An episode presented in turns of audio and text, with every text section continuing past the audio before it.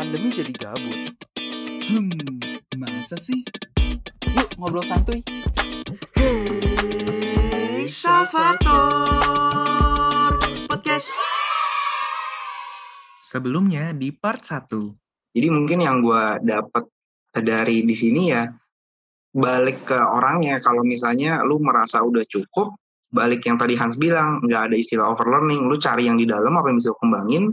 Dan kalau memang lu ngerasa udah cukup, ya lu cari yang di luar. Harus tahu juga saatnya kapan harus keluar dari zona nyaman. Ha- harus tahu juga kapan saatnya kayak oke gue udah udah udah menguasai ini gue mau yang lebih gitu. Alright, tadi kita udah ngebahas tentang eh, organisasi, eh, organisasi di luar kampus. Sekarang kita coba eh, pindah topik sedikit. Masih tentang dunia di luar Atma, tapi tentang perlombaan di luar kampus. Nah, di sini udah ada Fani Budiman yang sudah sering mengikuti perlombaan di luar kampus. Gimana, Van? Menurut lo, lo dapat apa aja, Van, di eh, sisi perlombaan di luar kampus? lomba ya. Saya banyak tahu angkatan kita kayak yang bener-bener ada kan yang mau press ilmiah juga. Lombanya jauh sih lebih banyak dari gue. Eh, kalau gue sih dulu ikut lomba karena siapa ya? Karena terinspirasi sih sama kakak kelas kita sih. Siapa ya? Oh dulu sama Cilisha. Nah terus Cilisha jadi mentor gue. Lucu banget sumpah.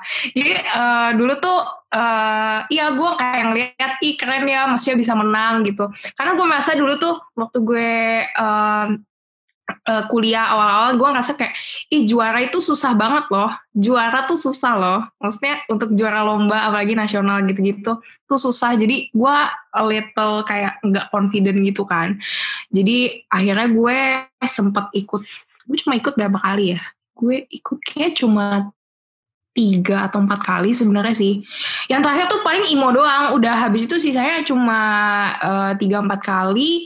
Dan menurut gue jujur ya, gue tuh nggak gue nggak banyak kayak temenan atau cari temen gitu sih pas lomba karena gue kayak eh terlalu lu tau gak sih kayak lu harus fokus menangin lombanya terus kayak lu feel pressure terus lu juga kayak nggak kenal siapa jadi lu kayak oke let me be in my kun kayak diem aja gitu kan. Jadi gue nggak pernah menganggap lomba itu sebagai apa ya sesuatu yang untuk networking gue lebih ambil kayak mungkin jalan-jalannya kali ya. Kayak gue dulu inget banget pas pertama kali gue lomba tuh gue terbang ke sebuah apa ya kabupaten yang gue nggak pernah maksudnya itu pertama kali gue ke Sulawesi dan pertama kali gue ke Sulawesi itu bukan ke Makassar bukan ke Manado tapi ke sebuah kota yang namanya Kendari.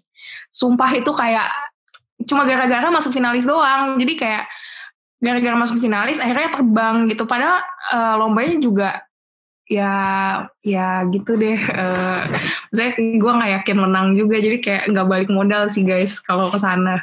Udah bayar tiketnya mahal gitu.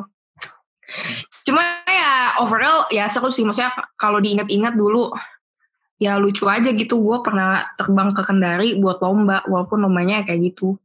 Ya jadi kalau boleh jujur sebenarnya gue lomba sih kebanyakan mencari jalan-jalannya sih guys. Jadi jangan contoh gue sekarang gue ini kan makanya lebih encourage sebenarnya kayak, kayak umuran kita tuh udah nggak usah lomba lah maksudnya conference aja atau publikasi aja itu kayak lebih berfaedah di buat CV dibanding lomba walaupun dulu gue mengagungkan lomba sebagai tambahan CV gitu Hmm, I see. Oke, oke, oke, oke. Tapi kalau misalnya eh, dari lombanya aja Van ya, kan kalau dari lu kan eh, emang lebih ke arah ke dapat jalan-jalannya. Tapi kalau misalnya eh, dari perlombaan itu sendiri Van, sebenarnya eh, orang-orang yang ikut lomba itu bisa dapat apa aja sih Van? Kayak kan kayak yang tadi lu udah bilang tadi, udah bayar mahal-mahal, bahkan udah harus luangin waktu buat belajar buat lombanya yang bisa dikatakan sebenarnya cukup uh, menghabiskan uh, lumayan banyak gitu waktu yang dikorbankan gitu. Gimana Van? Sebenarnya bisa dapat apa aja sih? Hmm, kalau gue ya, eh, karena gue tuh dari mungkin gue dari SD SMP gitu udah sering lomba walaupun lombanya bukan karya tusilnya ya. Menurut gue yang bisa lo ambil dari sebuah perlombaan itu selain dari istilah jalan-jalannya dan ilmunya tuh sebenarnya menurut gue mentalitasnya sih. kayak uh, mentalitas untuk lu berada di sana bersama dengan orang-orang terbaik dari universitas lain uh, dan mereka juga pede dan mereka juga mungkin sama dengan lu pede dan insecure at the same time.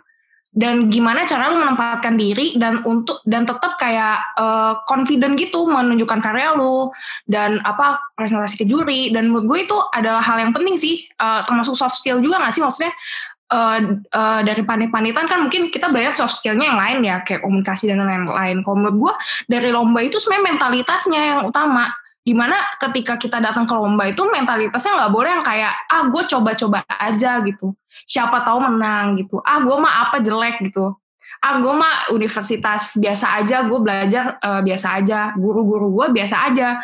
Tapi ketika datang ke lomba itu harus punya confidence yang maksudnya jangan overpower juga yang kayak ih gue pasti menang juara satu gitu. Enggak cuma maksudnya lo datang dengan kayak gue mau lakuin yang terbaik dan gue yakin gue pasti bisa dapat sesuatu entah pengalaman atau uh, sesuatu prestasi gitu dari lombanya. Itu yang paling penting sih kalau selama pengalaman lomba gue ya gitu. Dan itu nggak semua orang bisa belajar dari lomba. Ada juga orang yang ikut lomba tapi tetap aja nggak bisa mempelajari hal itu gitu. Kayak gitu sih. Hmm. setuju sih. Gue gue setuju banget dengan poin itu. Oke oke oke oke oke. Fun fun mau nanya oh dari oh iya kira gimana kira uh, ini gue mungkin gue jujur gak pernah ikut lomba uh, lomba Yumi, uh, maksudnya pernah lah sekali ikut lomba Yumi, tapi nggak pernah yang skalanya sebesar kayak Fanny nih yang tingkat nasional. Nah, mau nanya sih Van, mungkin gue dulu waktu uh, kita ngomong karena gue lebih aktif di organisasi, oke, okay? uh, gue ikut senat, terus gue pas gue naik ke ISMKI, maksudnya uh, ikut kegiatan di ISMKI itu gue ada rasa feel kayak wah akhirnya gue bertemu dengan orang-orang yang sejenis gue gitu yang punya interest yang sama. Jadi kayak ada ada rasanya kayak ada adiksi gitu kan kayak ada rasa ah gila ah, pengen pengen ikut lagi pengen ikut lagi pengen pengen nyoba lagi pengen ikutan lagi. Gitu. Nah ada lu pernah merasakan hal yang serupa nggak kan di perlombaan gitu di dunia perlombaan? Kayak adiksi mungkin kayak ah pengen nyoba lagi pengen nyoba lagi gitu. Jadi memang ya Fani kan nggak ikut maksudnya ikut RMO IMO kan beberapa kali gitu, gitu. Uh, ada nggak Van Rafil itu kalau boleh tahu Hmm, kalau gue ya, kalau gue nggak ada sih. Jujur kayak walaupun gue datang ke sana sama kayak lu kayak gue ketemu orang-orang yang istilahnya kayak uh, interestnya sama dengan gue. Tapi entah kenapa gue nggak ada adiksi sih. Maksudnya imo rmo pun gue sebenarnya ketemu banyak banget teman kayak bahkan tuh gue punya temen yang lintas apa namanya lintas cabang gitu. Kayak paling banyak waktu itu sama un unr sama apa gitu uner undip. Bahkan gue ketemu teman-teman lomba sebelumnya. Jadi gue pernah lomba di simpik Thailand kan. Itu gue ketemu kayak dua eh berapa temen ya? Gue ketemu temen nah dia dia lomba juga imo gitu. Cuma maksudnya gue nggak pernah yang kayak uh, adiksi yang lu bilang. Mungkin lebih kayak apa ya uh, apa ya kalau misalnya gue nih kayak misalnya gue promosiin imo rmo gitu ya di di Instagram story gue gitu. Itu bukan karena gue kecanduan tapi lebih karena gue kayak merasa eh gue mendapatkan sesuatu loh dari imo rmo ini selain dari ilmunya yang luar biasa banyak dan kesempatan gue dapet mentor dan segala macem. Uh, gue tuh um, dapat apa ya maksudnya lu harus ikut for the sake of pengalamannya sih menurut gue dibanding kayak apa ya ketemu orangnya sih ya mungkin beda kali ya orientasi gua sama orientasi lu gitu. Oke okay, oke okay, Van, nice nice nice. Tapi worth to try berarti ya maksudnya nih lomba-lomba kayak gini. Iya, worth to try sih. Uh, dan pengalaman orang pasti beda-beda. Makanya apa yang gue dapat dan yang lu dapat pasti beda dari sebuah apa ya event gitu. Oke okay, oke, okay. sip sip, mantap. Silakan Bos Hans lanjut. gokil, gokil. Kalau dari Aldi gimana nih? Kan lu juga ada pernah ikut perlombaan-perlombaan gini nih di luar Atma. Gimana di menurut lu? Uh, gue mungkin cukup sama kayak Van But sih. Gue bukan tipe orang yang haus akan akan apa ya akan kemenangan gitu loh kayak gue ngerti gak sih lu? Kayak lu ikut nggak tahu ya Van. Gue ikut lomba ketemu orang ya emang bener kayak lu ketemu orang yang kayak mental lu jadi lebih terlatih segala macam tapi lama-lama capek jadi gue sumpah gue gue gak bohong capek capek. Capeknya itu adalah capek capek menangin mentalnya gitu loh. Lu pernah gak sih kayak di situasi eh di suat- ya lomba apa pun lah kayak nggak usah lomba pelajaran nggak usah lomba imo atau remo tapi lomba basket atau lomba apa lu ketemu orang nih lawan nih kan bukan cuman fisik yang lu adu kan ya kayak tapi ada something kayak dalam pikiran lu harus menang gitu ya Hmm, ngerti-ngerti gue. iya ngerti kan Van itu yang capek gak sih Kayak, eh, iya iya iya. Makanya gue kalau lomba bukan, pokoknya gue selain Imo Remo sama, ya selain Imo Remo sama Simpik, gue tuh kayaknya nggak punya teman deh di lomba. Cuma punya temen di Imo Remo, Simpik. Itu pun karena emang kegiatannya membuat lu jadi berteman gitu. nah iya gue bahkan ketemu, kenal kenal sama orang di IMO gara-gara dia juga SMKI bahkan jadi kenal gitu loh bukan karena gue emang kenalan deket gara-gara di pas lombanya enggak Iya iya, makanya sih. Hmm. Cuman emang ada sih, gue nggak gua nggak memungkiri ada ada juga beberapa orang yang emang mungkin dari dulu SMA SMA-nya dia emang udah suka lomba, emang udah suka diutus ke mana-mana. Terus kalau Nah iya itu. ah Tuh, iya kan, terus kalau ikut lomba jadi gua- nyaman gitu.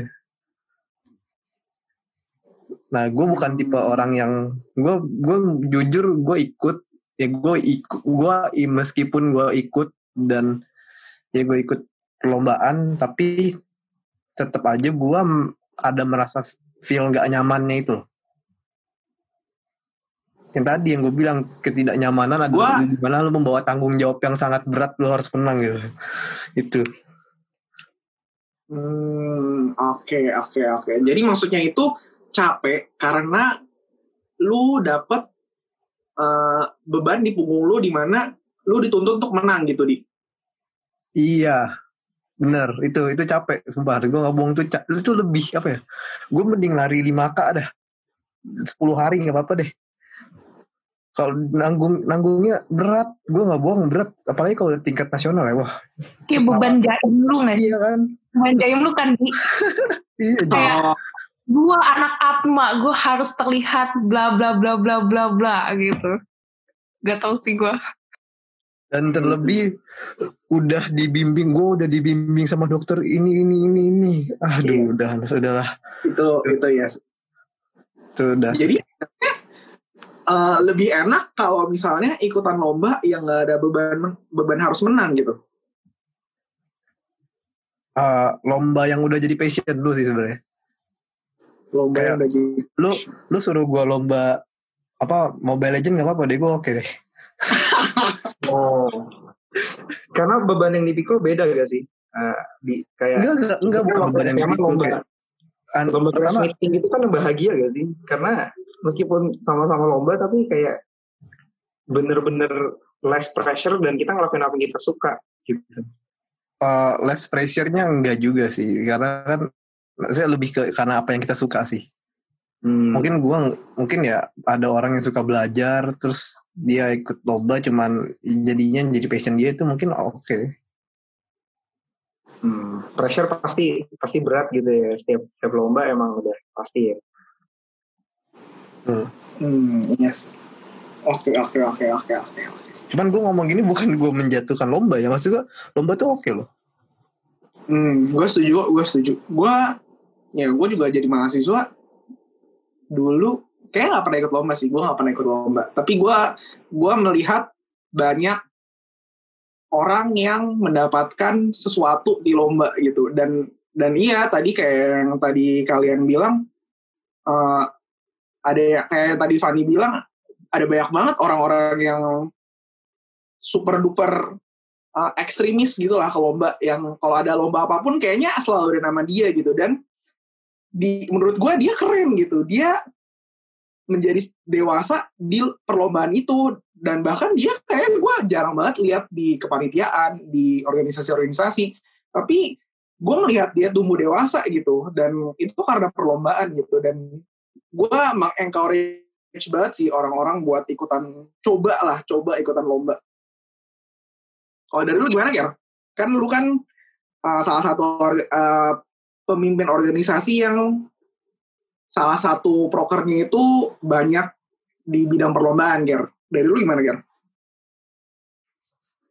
Em, kalau dari gue sih, gue merasa nggak tahu ya mungkin teman-teman dari delegasi yang pernah kiri, ikutan lomba lebih merasakan. Tapi kalau menurut gue poinnya Aldi tadi bilang maksudnya pressure itu memang kalau lama-lamaan kita semakin lama kita di pressure ya capek gitu ya. Dan menurut gue makanya dari itulah itu pentingnya perlu ada regenerasi itu menurut gue. Kayak menurut gue pressure itu penting karena membuat delegasi itu jadi ada semangat berjuang, semangat untuk menang gitu ya. Nggak nggak nggak nggak kayak asal ya udah ikut aja gitu. Jadi menurut gue kalau pressure-nya dapet ya itu it's a good thing. Tapi memang kalau orang makin lama sama deh kayak atlet badminton ya, kayak mereka kan pasti regenerasi juga. Kalau dia udah sering-sering lama bertanding gitu ya, ya pengalaman lebih ada. Tapi namanya manusia capek juga gitu. Nah menurut gue harus ada regenerasi gitu. Jadi gue setuju banget tuh kalau tadi Hans bilang uh, worth to try gitu ya lomba-lomba ilmiah, lomba-lomba non ilmiah itu tuh perlu dicoba karena pertama tadi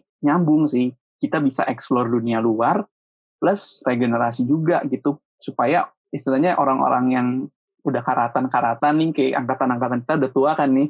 Nah itu masih bisa diganti sama yang baru-baru yang punya semangat juangnya lebih tinggi dan lebih seger gitu. Jadi kalau dikasih pressure mereka bukannya capek tapi malah jadi kayak wah gue mesti menang, gue mesti buktiin gitu menurut gue. Jadi menurut gue sih gitu sih kalau dari sudut pandang gue ya. Dan ya setuju banget sih kalau teman-teman mungkin yang mahasiswa baru, uh, yang masih preklinik mau coba join lomba gitu ya, lomba apa pun gitu, itu oke okay banget dan bisa dapat pengalaman gitu menurut gue.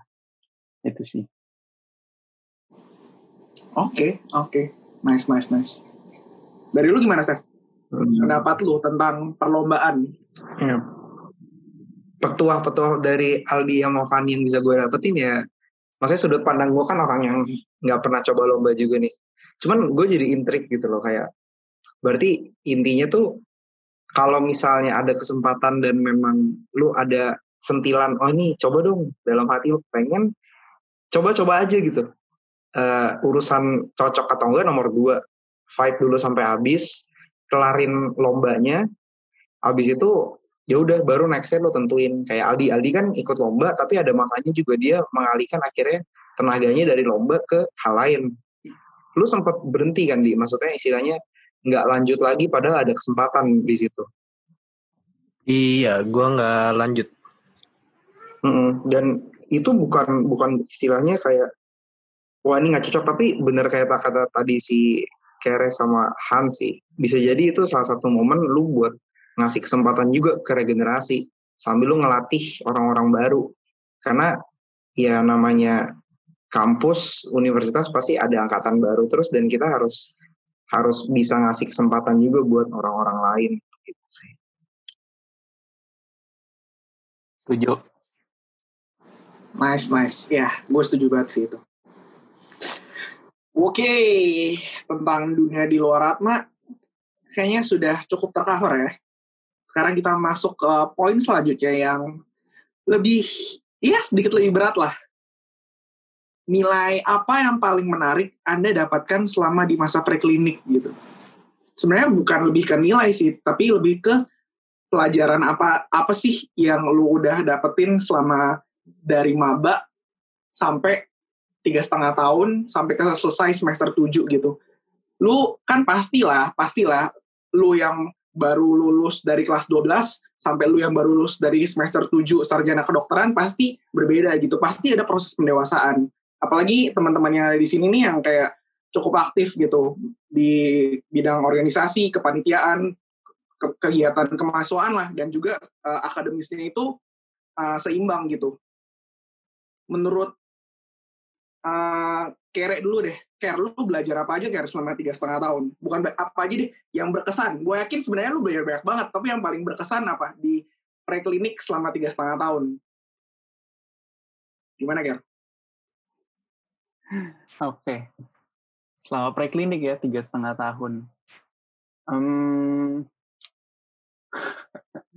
cukup banyak sih yang dipelajarin, tapi yang paling berkesan itu memang uh, apa ya semangat untuk mau belajar sih menurut gue karena uh, mana ya beda ya kalau kita dulu di SMA terus sekarang udah naik universitas itu memang balik lagi ke kitanya kayak kitanya mau belajar mau mencari tahu sejauh apa.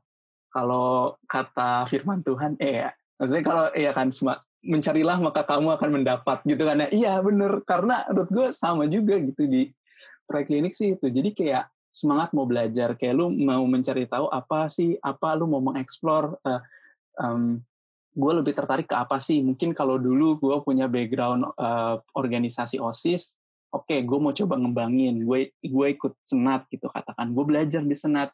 Pastinya pertama kali join wah tahun pertama banyak lah ngelakuin kesalahan itu wajar banget tapi balik lagi kayak semangat lu mau belajar gitu. Kayak lu mau belajar dari kesalahan terus jadi makin lama lu makin baik makin berkembang gitu. Dan bisa nanti pada saat uh, di tahun terakhir lu gitu ya di preklinik lu bisa berbuat sesuatu dan pada saat lu lulus dari preklinik lu dapetin sesuatu gitu. Jadi menurut gua sih itu sih semangat belajar. Jangan sampai preklinik ini cuman jadi kayak ya udahlah yang penting lewat lah tiga setengah tahun habis itu gua mau koas gitu. Jangan sampai gitu sih karena banyak banget hal yang bisa didapetin di preklinik gitu. Jangan sampai kayak kuliah pulang kuliah pulang tapi lu nggak bisa manfaatin semua fasilitas yang sebenarnya ditawarin sama kampus untuk lu belajar gitu. Ya ruginya di lu sih gitu. Kalau lu nggak mau belajar gitu. Itu sih jadi semangat belajar semangat belajar, semangat mau explore. Oke, oke, oke. Lu uh, menemukan semangat itu sejak lu maba atau uh, baru ketemu di titik apa dan apakah sempat kayak ah udahlah bodo amat yang penting gue lewat gitu kayak lo tadi bilang lu sempat mengalami itu juga gak gimana ya? Um, gue mulai merasakan apa ya yang penting semangat untuk belajar sebenarnya pas di maba sih gitu. Karena dari maba tuh gue mulai ngerasa kayak yang tadi gitu. Kayak beda banget sesuatu situasi di sekolahan dulu SMA dengan di universitas gitu. Kalau di SMA tuh kayak lu dibatesin kalian harus ikut ekskul dua jenis gitu minimal supaya lulus. Nah kalau di Atma ya memang ada sih batasan SKP gitu ya. Tapi balik lagi kayak lu lu bisa explore lebih untuk lu dapat gitu. Dan dan itu sebenarnya Atma tuh nggak nyuruh gitu.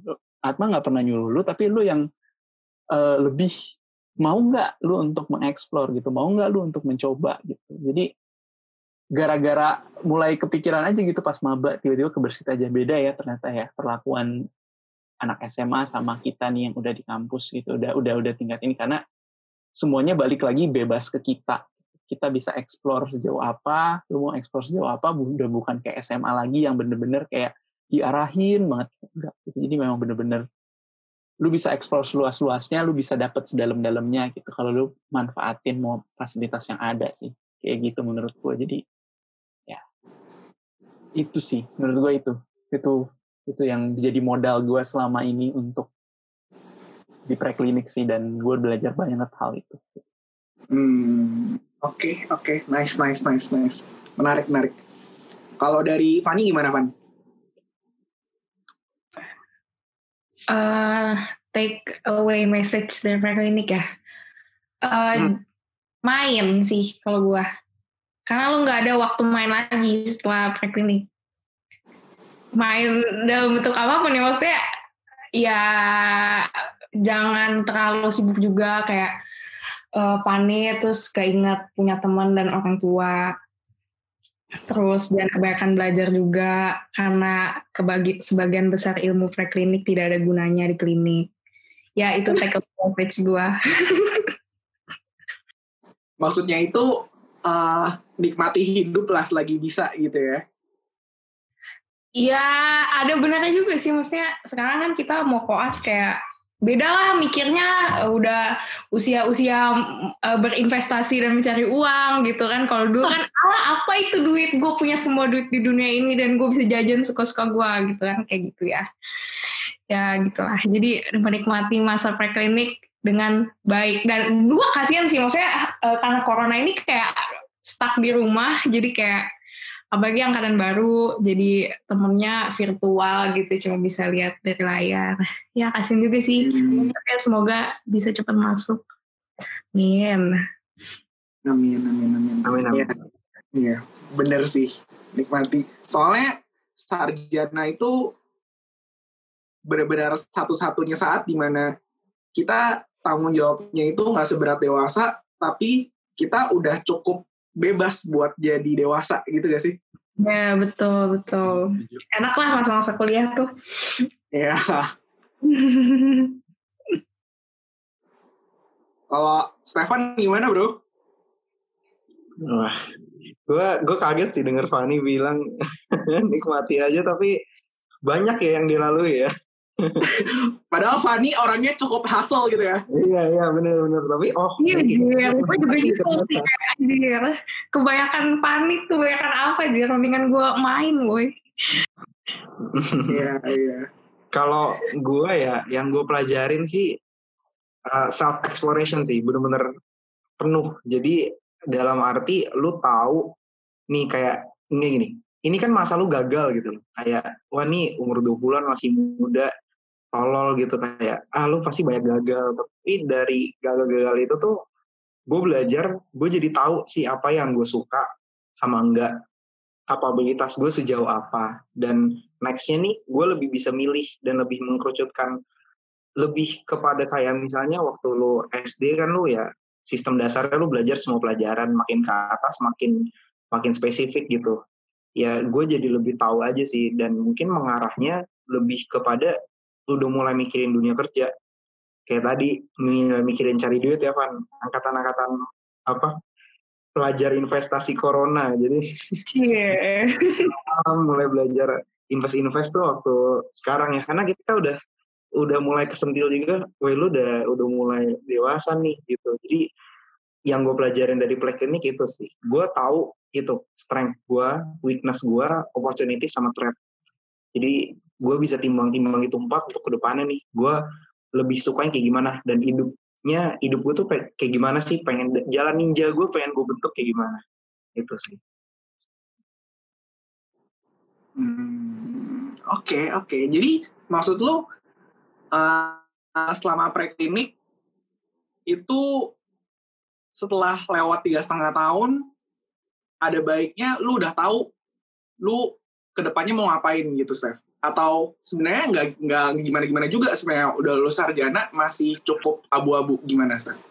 nggak harus iya nggak. Lu nggak harus udah tahu percis gitu. Kayak gue mau apa ya? Kayak misalnya oh nih gue pasti ini nih. Nggak harus.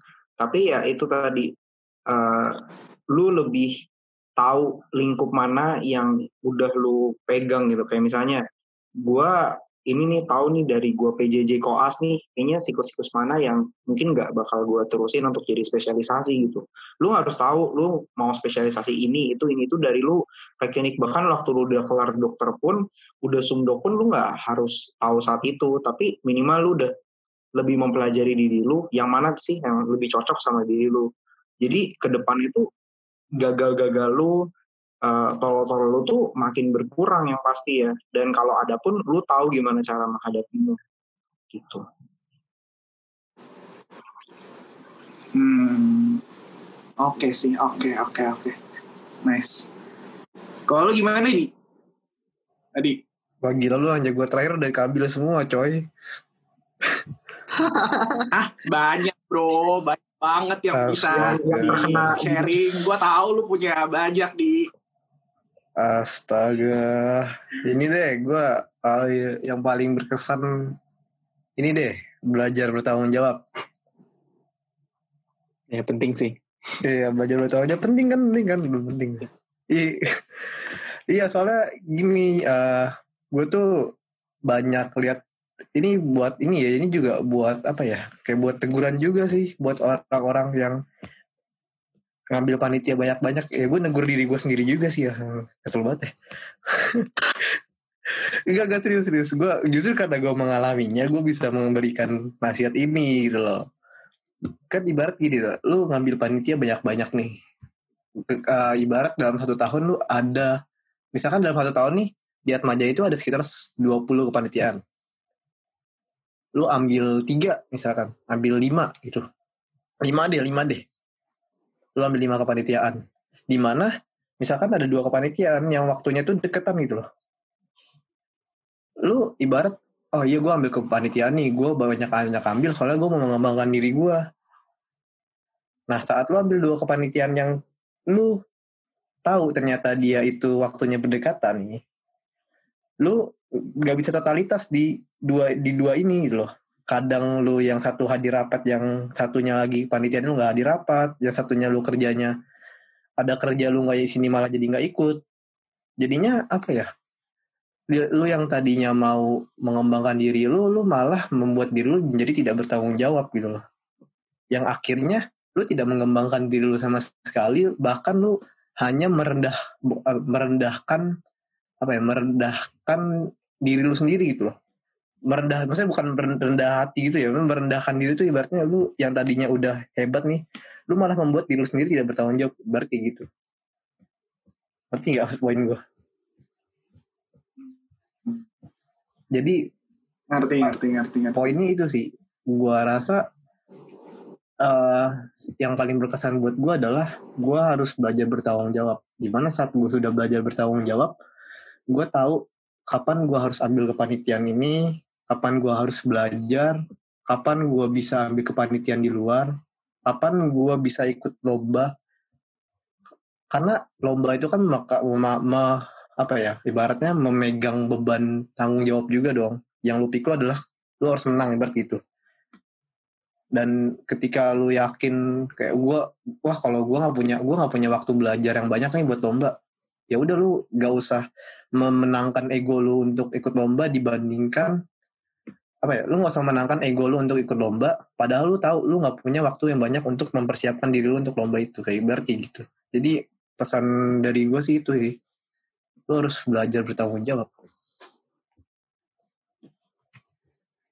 Oke, oke. Menarik, menarik. Kalau ngobrol soal bertanggung jawab, eh, menurut kalian nih, orang-orang yang slow respon tuh gimana?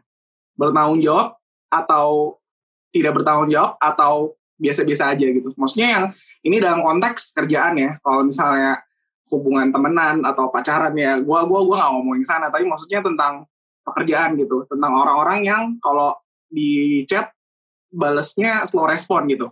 Menurut kalian gimana? Kere Tergantung- coba kere. Atau Aldi deh, Aldi, keren dulu lah Kere kere sih kere. Yang paling banyak kerja sama banyak orang nih kan. Iya, nah, itu gue kere, respon nih. Pasti ada. Gimana lu menanggapinya Kere? Atau pandangan lu gimana? Kok gue gak kayak mahasiswa anjir kayak kerja. Oke oke. Eh, kalau menurut gue sih slow respon atau enggak itu sebenarnya jadi salah satu indikator doang. Eh, indikator mengenai komunikasi ya gitu. Tapi bukan berarti kalau komunikasi itu dihilangkan membuat tuh jadi pribadi yang gak tanggung jawab menurut gue.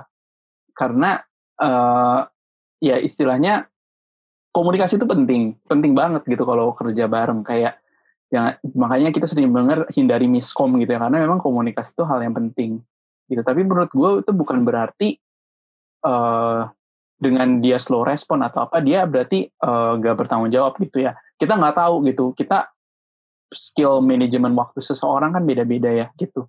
Siapa tahu memang ada yang masih belajar gitu belajar untuk memanajemen waktu gitu ya.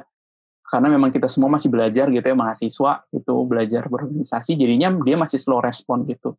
Dan menurut gua itu hal yang lumrah gitu di suatu pembelajaran di suatu kegiatan berorganisasi gitu. Mungkin hal yang bisa kita lakukan ya kalau misalnya kita misalnya gua sebagai eh, orang yang memang tugasnya memfollow up seseorang gitu gua akan coba nanya eh, eh lu eh, kalau boleh tahu lu lebih suka lu lu tipe yang buka HP terus atau lu butuh waktu istirahat dulu terus baru aktifnya kapan gitu jadi lebih ke arah penyesuaian sih menurut gue. Jadi antara balik lagi komunikasi antara orang yang memfollow up dengan orang yang di follow up.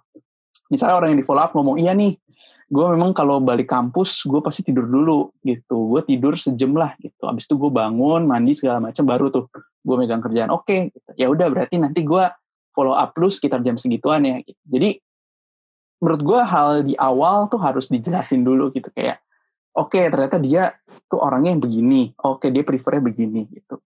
Nah itu bisa menanggulangi, bisa memprevent hal terjadi miskom gitu. Tapi kalau tadi Hans tanya, menurut lu slow respon itu bentuk ketidak bertanggungjawaban atau enggak? Menurut gua enggak. Karena tiap orang karakteristiknya beda-beda dan tiap orang juga masih belajar. Tinggal kita gimana caranya untuk mensiasati permasalahan slow respon itu. Gitu sih. Itu kalau menurut gue. Nice point, nice point. Nice, nice, nice. Keren. Di, tadi lu mau ngomong di mana di? Apa jir gak? Loh, tadi lu unmute. Enggak, Ya soalnya Di. tadi kira tidak ingin berbicara kan jadi saya kok ini hening sekali. Ya ya itu kan versi kere versi Aldi gimana sekarang? Kalau menurut ada gak yang menurut sampai? gua tadi tadi nice point sih yang Kere bilang eh ya, mengenai bagaimana kita mengatur ibaratnya kita mengkondisikan sesuatu lah ibarat seperti itu. eh kalau lu bicara tentang apakah slow respon itu bertindak bertanggung jawab atau tidak, tergantung dari ininya, tergantung dari priority. Masalahnya mungkin setiap orang punya priority yang berbeda-beda. Emang tapi ada satu satu poin di mana seharusnya prioritinya seorang dengan yang satu dengan yang satunya lagi ini sama. Contohnya kayak gini. Eh gua nih besok ada ada tugas CBL nih sama lu nih. Gua chat lu lu slow respon top priority kita top priority kita sama dong CBL kan ketika lu nggak jadikan top CBL itu menjadi top priority lu berarti yang ada yang salah dengan diri lu gitu kan ya enggak Hmm, iya benar. Bilang benar, benar. Oke, oke. iya kan? lanjut, Di. Ya itu maksud gue maksud gue begitu kayak eh beda lagi misalkan deadline-nya 30 hari dari sekarang. Gue ngechat lu lu bales gue dua hari lagi. Menurut gue is oke. Karena kecuali memang pro yang gue kerjakan hari itu itu eh, kecuali kita mengerjakannya harus bertahap gitu ya. Kayak misalkan eh kita nggak boleh ngerjainnya besok kayak gitu. Tapi kan biasa kan nggak ada kan. Makanya gue bilang tergantung dari slow responnya ini tergantung dari prioritinya gak bisa semua Hmm. hal sore dibilang slow respon itu tidak bertanggung jawab. Karena eh meskipun lu punya priority yang sama dengan orang lain tapi ada juga priority yang berbeda karena lu dan karena lu dan diri orang itu berbeda gitu loh. Lu kerja di A dia kerja di B. Di saat lu ada priority yang sama ada juga priority yang berbeda. Dan mungkin aja orang itu lebih men mengataskan priority itu gitu Hmm, ya, ya, ya. Jadi maksudnya kita juga dari misalnya dari sisi kita yang di slow responin, kita juga harus uh, coba mengerti dia ya. Dia kesibukannya lagi apa aja gitu ya dia. Iya, bisa dibilang begitu sih. Dan yang di res, yang di apa ya, yang men slow respon juga harus tahu diri juga. Kayak ini deadline-nya kapan? Berarti gitu loh. Ketika Ber- deadline-nya ternyata Hmm. udah deket dan itu dia sadar diri itu harus menjadi top priority ya. Ketika dia slow respon itu baru tindakan tidak bertanggung jawab. Menurut gue kayak gitu sih. Oke, oke. oke. Tapi kenapa tiba-tiba jadi bahas ini sih? Kan itu benar. Tadi kenapa- soalnya emang emang Anda saat di menjadi ketua PSL ada yang seperti itu. enggak. bu- itu maksudnya tapi itu menurut gua masalah yang uh, cukup sering diperbincangkan gitu. Bahkan sekarang kalau misalnya di uh, pembukaan pengen terima-terima panitia-panitia kan sering ditanyain sekarang. Nah, kamu uh, fast respon atau enggak gitu. Kamu fast respon atau Hmm. enggak gitu. Nah, maksudnya berarti uh, masalah slow respon ini itu cukup uh, bisa diangkat gitu menurut Oh, gua iya. tadi. Dan kan tadi kan juga lagi ngobrol tentang bertanggung jawab. Makanya tadi gua nanya. Stefan tadi mau ngomong apa, Stef? Oh, gue, ya ya. Tadi gue mau nanya ini sih, berarti kalau buat kalian-kalian nih, buat semua nih, apakah sebaiknya kita ngelakuin kayak istilahnya kita mengkomunikasikan cara komunikasi dahulu di awal, kayak misalnya ditanya-tanya dulu, atau lebih tipe yang kayak as it is gitu dalam arti ya udah gue ngobrolnya biasa. Kalau misalnya nanti tiba-tiba dia slow atau gimana atau kurang sesuai dengan apa yang gue harapkan baru gue komunikasikan itu itu dalam konteks pekerjaan maksud gue gue pengen bawanya ke, ke kerjaan. Jadi bukan cuman kita panitia biasa gitu. Hmm, gue sih setuju. Maksudnya tadi menurut gue Stefan benar. Maksudnya jadi di awal ya katakan kalau kita ngomong di open recruitment, mungkin kalau mau dibawa ke kerjaan gitu ya, maksudnya nggak ada salahnya kok gitu. Menurut gue seorang manajer gitu atau apa nanya dulu gitu ke anak buahnya. Kayak lu lebih suka di kontak pakai apa? Chat atau telepon? Menurut gue itu nggak salah. Oh saya lebih suka telepon oke okay, gitu. Enaknya jam berapa biasanya kalau telepon? Maksudnya lebih lebih ke arah jadi bener sih kata Aldi juga. Tadi eh sorry ya dan Hans Stefan. Jadi lebih juga kita sebagai mungkin posisi maksudnya manajer bisa menyesuaikan juga dengan si orang yang kita follow up ini kayak gitu. Maksudnya kita nggak ya kita pasti punya aturan, kita punya aturan ya kalau di kerjaan, tapi nggak ada salahnya juga ya kita juga ngerti juga nih maksudnya si si orang yang kita mau manage ini yang mau kita follow up ini gimana enaknya gitu karena ya sem mereka juga manusia gitu ya pasti ada fase capek fase burnout gitu ya dan menurut gue itu jadi salah satu faktor juga gitu untuk menentukan seseorang ini ya dia bisa jadi slow respon atau enggak gitu. Jadi menurut gue kalau slow respon hanya slow respon itu jadi indikator seseorang nggak bertanggung jawab. Menurut gue sih nggak nggak nggak. Menurut gue gue nggak setuju gitu. Tapi ya masih banyak faktor lain lah. Maksudnya kalau seseorang dibilang nggak bertanggung jawab gitu ya. Ya dan ya kalau di Atma sih kita semua kan maksudnya fasenya belajar ya. Balik lagi gitu kayak kita di organisasi kampus belajar. Menurut gue kayak ya justru di sini saatnya lu belajar banyak gitu lu salah boleh gitu dan uh, ya harusnya justru orang-orang yang memfollow up gitu yang di atas atas justrunya yang bisa membina juga gitu membina orang-orang yang di bawah sih kayak gitu menurutku. Gitu. Ya itu sih. Oke. Okay. ya, ya. gue setuju sih gue setuju sama itu semua. Oke okay, nice lah nice nice nice. Kalau gue ya gue pelajaran yang gue dapet selama preklinik yang menurut gue berkesan di diri gue yang mungkin baru gue sadari gitu di ujung preklinik bahwa sebenarnya external validation itu nggak sebegitu pentingnya gitu maksudnya adalah dulu pas zaman maba nih gue itu udah cukup terdoktrin gitu sama kata-kata orang-orang. Kalau misalnya di masa sarjana itu lu harus cari koneksi sebanyak-banyaknya gitu. Pokoknya carilah teman sebanyak-banyaknya biar bisa ke depannya itu lu uh, bisa cari kerjaan lah atau misalnya ada butuh sesuatu lah gampang gitu intinya kayak gitu pokoknya pas maba itu gue terdoktrin itu banget dan gue gue ikut banyak kegiatan, gue ikut banyak uh, OPMM, organisasi, uh, panitiaan, itu nyari banyak temen gitu.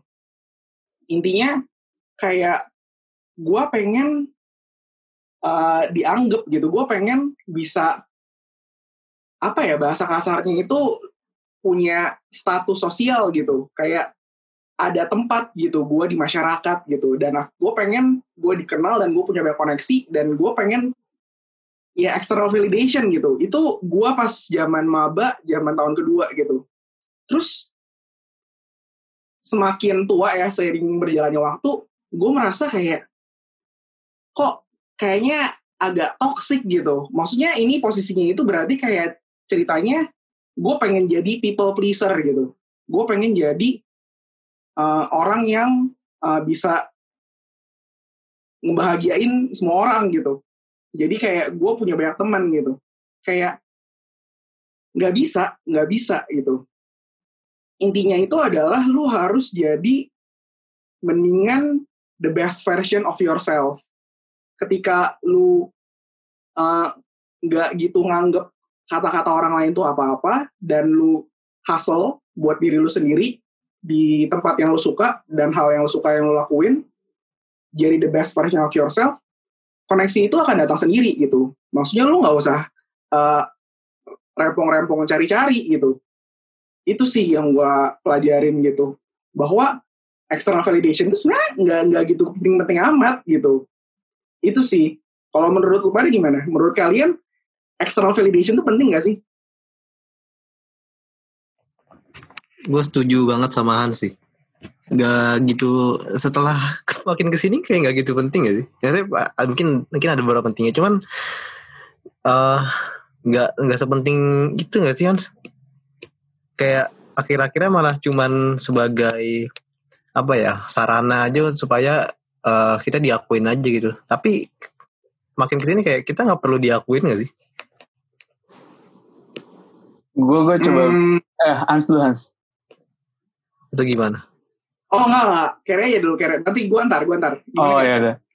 Kalau menurut gue, gue masih beranggapan external validation itu eh, penting sih. Karena maksudnya gue melihat external validation ini juga agak mirip-mirip sama networking ya. Nggak tahu ya gue mikir. Karena tapi yang jadi masalah adalah cara kita mendapatkan external validation tersebut itu sih menurut gue yang yang yang justru bisa bisa melihat bahwa ini penting atau enggak. Maksudnya kayak tadi Hans bilang kayak be the best version of yourself menurut gue dengan begitu orang-orang ya akan menotis lu gitu kayak eh ini si Hans. Hans nih dia aktif di POSL gila sih mantep banget dia kerjanya oke banget gitu.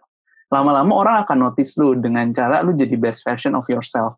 Tapi bukan berarti cara lu dap eh, itu itu hal yang benar. Nah tapi menurut gue yang salah adalah saat lu meng- men- mengambil external validation dengan cara cari muka. Maksudnya cari muka ini dalam hal arti yang kayak gimana ya? Maksudnya kayak ya gimana? Kayak em, ya nggak tahu sih menurut gue itu hal yang nggak perlu kayak nyari muka. Misalnya eh ya gimana ya, susah juga jelasin tapi maksudnya konotasinya ya jadi negatif lah gitu maksudnya. Lebih baik menurut gue cenderung ke arah ya itu tadi yang Hans bilang. Kalau lu orang yang kritis lu mau nanya-nanya gitu ya itu lu jadi best version of the, the of yourself gitu. Lu nanya lu nanya sesuatu eh, yang memang konstruktif gitu yang memang membangun eh, tentang suatu topik gitu. Jadi atau bisa ya bisa bisa berguna buat banyak orang. Itu be the best version of yourself dengan begitu lu akan dinotis sama orang tersebut gitu. Jadi menurut gua external validation penting tapi cara untuk mendapatkan external validationnya sih yang memang beda-beda gitu. Dan ya itu baru bisa tahu mana yang benar mana yang salah sih. Menurut gua gitu sih Gue setuju sama Kere sih. Nambahin dikit aja sih. Uh, external validation penting sih, bener. Apalagi waktu kita kaitin sama networking. Cuman ya mungkin yang tadi Kere bilang, gue terbesit kalau uh, ada batasnya di mana saat kita sendiri mulai istilahnya stay natural aja gitu. Kita tunjukin apa yang kita punya dan tapi tetap nggak menutup kemungkinan apa yang bisa kita kayak istilahnya gini. Kadang tuh kita kan pengen impress seseorang kita jadi menunjukkan kita jadi challenge diri kita. Itu nggak masalah tapi ada satu extent juga di mana udah masanya nih ah ini kayaknya udah bukan gue banget. Udah mulai fake dan segala macam ya itu udah mulai mungkin waktunya untuk uh, di post dulu terus kita ngerefleksin lagi sih kita ngelihat lagi gitu. Cuman ya menurut gue external validation itu penting. Tapi memang saat kita semakin dewasa semakin tua itu memang semakin berkurang sih menurut gue kayak orang yang penting ini external validation itu paling penting buat orang-orang yang ada di circle kita aja. Yang orang yang kita pegang erat dalam arti orang yang nggak kenal kita ya nggak masalah gitu. Toh semua orang pasti punya haters semua orang pasti punya orang yang nggak suka yang berselisih pendapat. Tapi mungkin yang penting adalah orang-orang di circle kita itu paham dan mengerti uh, kenapa kita bisa melakukan ini melakukan itu gitu. Jadi itu mungkin external validation yang gue pandang semakin uh, kecil memang lingkupnya buat orang-orang sekitar kita aja ke depannya gitu nggak harus buat semua lagi gitu Nice, nice. Gua, gua, gua, gua demen. Iya, iya. Benar sih. Kalau Hans, Fanny gimana, Fan? Ada, oh ya Fani Fani Fani ada pendapat gak, Fan? eh ini tuh masih yang slow respon gak sih? Oh, bukan. Tentang ini, Fan. Tentang uh, external validation, Fan. Menurut lu penting gak? External validation, oh my god. What is that? Sumpah guys. Kayak. Apa? kayak gini loh. uh, lu butuh orang-orang uh, nganggep lu gitu. Lu butuh orang-orang Oh kayak iya iya. iya. muji lu gitu. Intinya gitu lah. Menurut gue, it took a while untuk menghilangkan external validation. Eh sorry ini. Hmm. Gimana, gimana tuh, Oke Fan? menurut menurut gue tuh kayak eh ini gue mungkin singkat aja kali ya. Eh, dulu mungkin gue adalah orang yang butuh constant external validation gitu. Sampai in the point yang kayak gue ngerasa, eh aduh capek banget ya, gue melakukan semua usaha ini untuk mendapatkan external validation gitu. Di, dan sekarang gue ada di tahap yang kayak eh gue nggak butuh lagi. Ya mungkin butuh kalian nggak tahu juga ya tapi maksudnya gue eh, kalau butuh pun minimal gitu kayak gue gak sebutuh itu. Dan ya itu menurut gue salah satu pros, apa kayak proses self love juga gak sih? Kayak lu ya udah lu memvalidasi diri lu sendiri lu mencintai diri lu sendiri udah lu nggak butuh orang lain untuk mengakui diri lu gitu kayak for what gitu kayak itu dan itu menurut gue butuh proses sih untuk mencapai itu ya gak sih kayak semua orang Yes, yes, gue setuju sama Van. Iya, iya, itu gue. Iya, iya, bener sih Van. Oke, tadi kira mau ngomong apa ya? Stefan, Stefan. Tadi gue nggak, gue cuman unmute. Oh, Oh, oke, oke. eh, berarti ya itu sih bener. Self love itu setuju sih. Kayak kita harus gini, external validation kan eksternal gitu dari luar. Dalam arti yang paling penting sebenarnya dari kita sendiri gitu, internalnya dulu gitu. Toh eh, yang bisa kita kontrol adalah apa yang ada dari diri kita sendiri, bukan dari luar gitu. Kita nggak pernah bisa kontrol respon orang. Respon orang dari A sampai Z, netizen bisa ngomong apa pun. Jadi semakin lama mungkin kita semakin jenuh gitu kayak oh kenapa sih gue nyoba ini itu dan gue udah berusaha yang terbaik tapi kok respon orang seperti itu? Ah ya udahlah stay true to myself aja. Eh, toh ini yang bakal gue hidupin sampai nanti gitu. Gue nggak bisa gitu menolak apa yang ada di diri gue jadi ya mungkin fokus lebih ke diri sendiri karena kita nggak pernah bisa kontrol apa yang ada di luar kayak gitu. Itu menjadi respon tambahan kalau kita udah do the best apa yang udah kita bisa dari diri kita sendiri.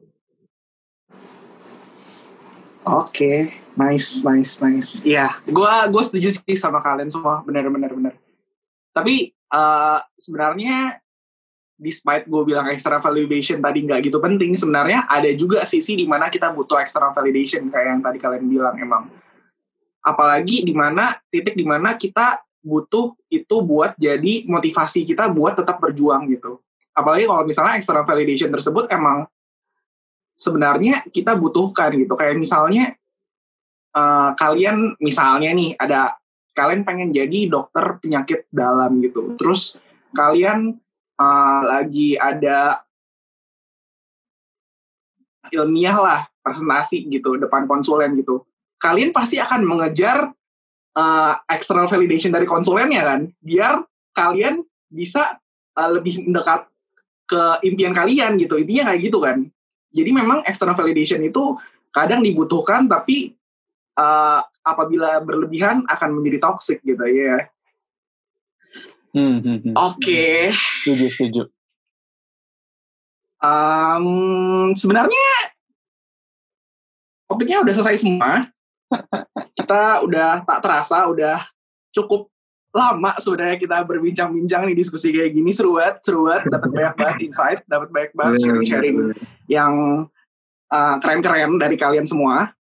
Uh, untuk teman-teman pendengar, uh, terima kasih sudah mendengarkan sampai sini. Semoga sharing-sharing dari kita, ngobrol-ngobrol ini bisa ngasih insight-insight baru, terutama buat teman-teman pendengar yang masih berada di waktu preklinik, yang masih mungkin angkatan 2019, 2020, mungkin nanti akan 2021 mungkin dengar podcast ini. Semoga bisa dapat take home message-nya lah, ada uh, pesan yang bisa dibawa pulang dari podcast ini. Uh, terima kasih juga Kere, Stefan, Fani, Aldi udah Yap. sharing-sharing bareng di sini. Seru, bener-bener seru banget. Gue juga dapat back banget dari sini. Uh, Oke, terima kasih semua. Sampai jumpa di cerita selanjutnya. Pandemi jadi gabut. Hmm, masa sih? Yuk ngobrol santuy. Hey, Salvador.